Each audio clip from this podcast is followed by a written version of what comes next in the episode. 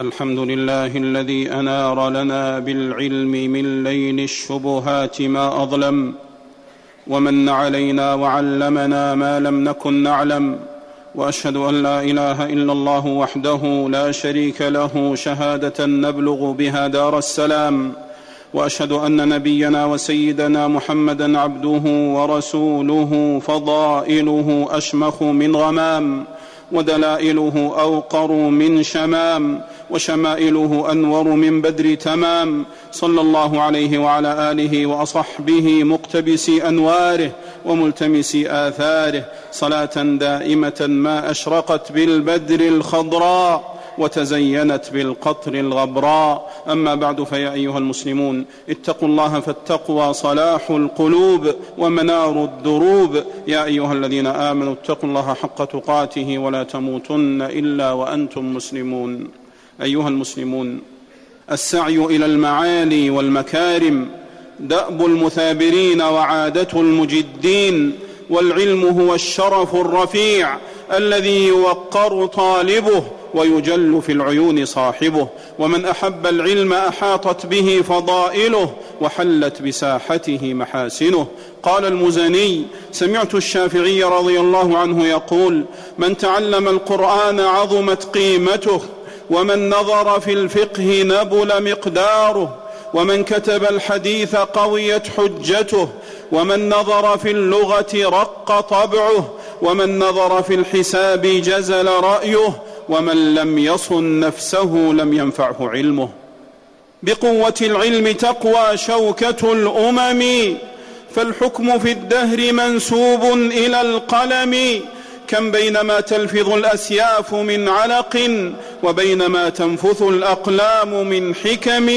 لو أنصف الناس كان الفضل بينهم بقطرة من مداد لا بسفك دم. فاعكف على العلم تبلغ شأو منزلة في الفضل محفوفة بالعز والكرم. العلم في الفتنة يحرسك وفي الوحشة يؤنسك.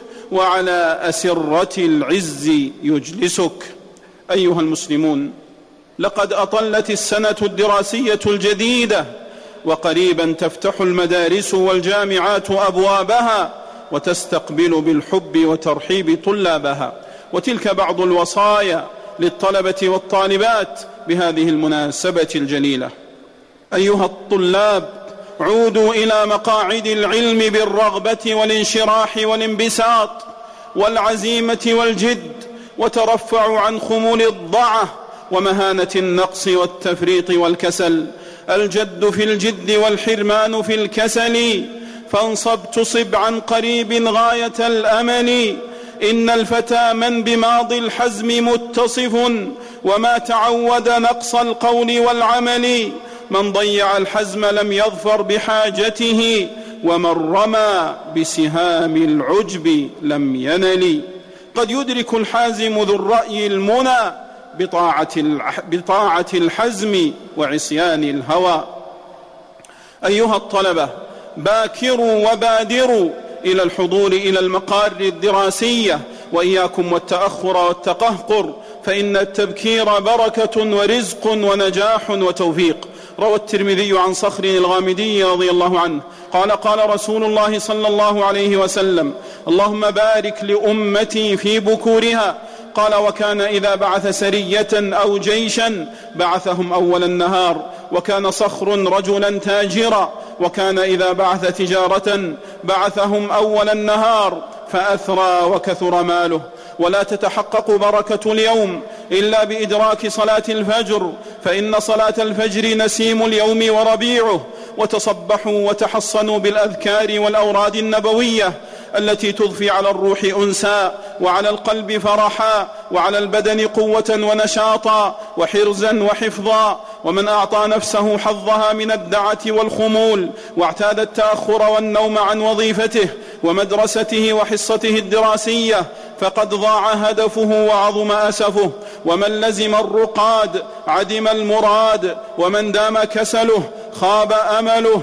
والمه والمهمل الكسول يعيش شقيا ويبقى مقصيا. ومن صبر ظفر وبالصبر تفتح المغاليق. وينزل التوفيق. ونوم الصبحة أي النوم بعد صلاة الفجر مباح. إلا إذا أدى إلى تضييع واجب. ونوم القيلولة وهي نوم الظهيرة مستحب. لحديث أنس رضي الله عنه قال قال رسول الله صلى الله عليه وسلم قيلوا فإن الشياطين لا تقيل. أخرجه أبو نعيم. ولأن القيلولة تعيد شحن نشاط الدماغ والبدن وتعين على المذاكرة وأداء ما وجب بهمة وقوة ونشاط. واحذروا السهر فإنه جهد وثقل وآفة. يفسد المزاج وينهك القوى ويتعب القلب والجسد فلا تغالب إغفاءة عينيك ونم أول الليل وأرح كاتبيك ولا تؤذي كل صباح والديك. وكم رأينا من أضاع وظيفته أو ترك دراسته أو أهمل أولاده وعائلته بسبب السهر المحرم المذموم مع رفقة السوء المغوية المضلة. أيها الطالب احرص على الأدب والنزاهة والطهارة واحترام المعلم والتزام النظام والمحافظة على المقار التعليمية والمقررات المدرسية. واتق الله فإن الله لا يخفى عليه ضمير ولا يعزب عنه قطمير. واجعل العلم عدتك والأدب حليتك وكن أكمل الناس أدبا وأشدهم تواضعا وأكثرهم نزاهة وتدينا وأقلهم طيشا وغضبا وصاحب الأخيار وتباعد عن الأشرار لا تقربنهم ولا تأمننهم ولا تخالطنهم ولا تجالسنهم فلا تجلس إلى أهل الدنايا فلا تجلس إلى أهل الدنايا فإن خلائق السفهاء تعدي وشر الناس من لا يبالي أن يراه الناس مسيئا ومن أحب المكارم اجتنب المحارم ولا ترسل طرفك ولا تحد بصرك إلى الناس فالعيون مصائد الشيطان ومن أرسل طرفه لقي حتفه وإياك ومواقف الريب ومظان التهم وإياك وما يعتذر منه واعتبر بغيرك فمن كثر اعتباره قل عثاره إن السعيد له من غيره عظة وفي التجارب تحكيم ومعتبر وإياك وكل مزاح يورث الضغينة أو يسقط الهيبة وليست العزة في حسن البزة ولكنها في العلم والأدب والدين واللسان وزير الإنسان فإن لم تجد قولا سديدا تقوله فصمتك عن غير السداد سداد ولا تكن ممن يعيب ويعاب ويكثر السباب ويطعن في الأصحاب ولا تبدي من العيوب ما ستره علام الغيوب. لا تلتمس من مساوي الناس ما ستروا فيهتك الله سرا من مساويك. واذكر محاسن ما فيهم إذا ذكروا ولا تعب أحدا منهم بما فيك. ولا تصاحب كسولا لا تصحب الكسلان في حال حالاته. كم صالح بفساد آخر يفسد. عدوى البليد إلى الجليد سريعة والجمر يوضع في الرماد فيخمد. وتنشئة الجيل على محاسن الآداب واجب الآباء والأولياء. قال بعض الحكماء بادروا بتأديب الأطفال قبل تراكم الأشغال وتفرغ البال وتفرق البال. أيها الطلبة اسعوا للعلم سعيه الذي يحق ويليق به وإياكم والضجر والملل والسآمة والعجز والانقطاع. اطلب ولا تضج ولا تضجر ولا اطلب ولا تضجر من مطلب. اطلب ولا تضجر من مطلب. فآفة الطالب أن يضجرا اطلبوا العلم فمن طلب العلم قومه صغيرا وقدمه كبيرا. قال عروة بن الزبير يا بني اطلبوا العلم فإن تكونوا صغارا لا يحتاج إليكم فعسى أن تكونوا كبارا لا يستغنى عنكم. واحرصوا على المدارس فالمدارس هي المغارس ومن فاته الدرس فاته الغرس. وأديموا النظر في الكتب ولا تملوا من المطالعة والبحث والقراءة والتقييد والمذاكرة والمدارسة والحفظ. قال ابن الجوزي رحمه الله ولو قلت أني طالعت ولو قلت إني طالعت عشرين ألف مجلد كان أكثر وأنا بعد في الطلب. أيها الطلاب الجد الجد بين القماطر والدفاتر والمحابر والمساطر حتى تبلغوا غايتكم. قال بعضهم غبرت أربعين عاما ما قلت ولا بت ولا اتكأت إلا والكتاب موضوع على صدري. وسئل الإمام أحمد بن حنبل رحمه الله تعالى إلى متى تطلب العلم؟ قال من المحبرة إلى المقبرة. أيها الطلبة عليكم بالتأني والتمهن والرزانة وإياكم والإعجال في السير والتهور والخفة والطيش الذي يجلب الشر ويوقع في الندامة, في الندامة والحسرة. قد, قد يدرك المتأني بعض حاجته وقد يكون مع المستعجل الزلل.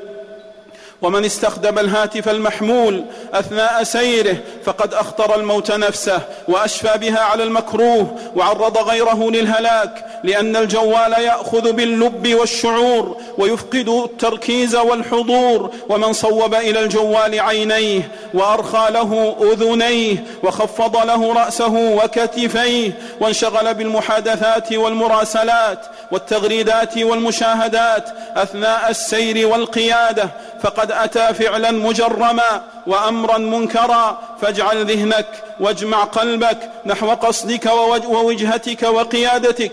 فإن الح عليك خاطرك أو أصر عليك مهاتفك فاخرج عن الطريق وأوقف مركبتك. وأفرغ في الجوال حاجتك وخذ منه نهمتك وكف عن المسلمين أذاك وشرك من قبل أن يقع المكروه فيأخذك الأسى والأسف والندم والألم وتقول أنساني الجوال وأعماني وألهاني ولا ينفع حينئذ الندم وقد زلت بك القدم أقول ما تسمعون وأستغفر الله فاستغفروه إنه كان للأوابين غفورا الحمد لله آوى من إلى لطفه أوى. وأشهد أن لا إله إلا الله وحده لا شريك له داوى بإنعامه من يئس من أسقامه الدواء. وأشهد أن نبينا وسيدنا محمدا عبده ورسوله من اتبعه كان على الخير والهدى ومن عصاه كان في الغواية والردى. صلى الله عليه وعلى آله وأصحابه صلاة تبقى وسلاما يترى. أما بعد فيا أيها المسلمون اتقوا الله وراقبوه وأطيعوه ولا تعصوه. يا أيها الذين آمنوا اتقوا الله وكونوا مع الصادقين. أيها الطلاب. إجلال المعلم واجب واحترامه وتقديره والتواضع له فرض لازم ومعرفة فضل علمه وشكر جميل فعله من مكارم الشيم ويتأدب الطالب في فصله ومع زملائه لأن في ذلك توقيرا للعلم وأهله. قال عمر بن الخطاب رضي الله عنه تعلموا العلم وعلموه الناس وتعلموا له الوقار والسكينة وتواضعوا لمن تعلمتم منه ولمن علمتموه ولا تكونوا العلماء والمعلم من أكابرنا والمعلم من أكابرنا وتوقير الأكابر من المآثر فعن عبد الله بن عمرو بن العاص رضي الله عنه عن النبي صلى الله عليه وسلم قال ليس منا من لم يرحم صغيرنا. ليس منا من لم يرحم صغيرنا ويوقر كبيرنا أخرجه البخاري في الأدب المفرد قم للمعلم وفه التبجيل. كاد المعلم أن يكون رسولا. أعلمت أشرف أو أجل من الذي يبني وينشئ أنفسا وعقولا. سبحانك اللهم خير معلم. علمت بالقلم القرون الأولى. أخرجت هذا العقل من ظلماته. وهديته النور المبين سبيلا. أرسلت بالتوراة موسى مرشدا وابن البتول فعلم الإنجيل وفجرت ينبوع البيان محمدا وفجرت ينبوع البيان محمدا فسقى الحديث وناول التنزيلا وصلوا وسلموا على أحمد الهادي شفيع الورى طرا فمن صلى عليه صلاة واحدة صلى الله عليه بها عشرا. اللهم صل وسلم على عبدك ورسولك محمد. وارض اللهم عن الآل والأصحاب. وعنا معهم يا كريم يا وهاب. اللهم اعز الإسلام والمسلمين وأذل الشرك والمشركين ودمر أعداء الدين وعم بالأمن والرخاء جميع أوطان المسلمين واحفظ بلاد الحرمين الشريفين من كيد الكائدين ومكر الماكرين وحسد الحاسدين وحقد الحاقدين يا رب العالمين. اللهم وفق إمامنا وولي أمرنا خادم الحرمين الشريفين لما تحب وترضى وخذ بناصيته للبر والتقوى. اللهم وفقه وولي عهده لما فيه عز الإسلام وصلاح المسلمين يا رب العالمين. اللهم انصر جنودنا المرابطين على حدودنا وثغورنا. واحفظ رجال أمننا. واجزهم خير الجزاء يا رب العالمين. اللهم اشف مرضانا وعاف مبتلانا. اللهم اشف مرضانا وعاف مبتلانا. وارحم موتانا. وانصرنا على من عادانا يا رب العالمين. اللهم تقبل من الحجاج حجهم وسعيهم. اللهم تقبل من الحجاج حجهم وسعيهم ونسكهم. اللهم اجعله حجا مبرورا وسعيا مشكورا وذنبا مغفورا يا رب العالمين. اللهم ردهم إلى أوطانهم سالمين. غانمين يا رب العالمين. اللهم اجعل دعاءنا مسموعا ونداءنا مرفوعا. يا كريم يا عظيم يا رحيم.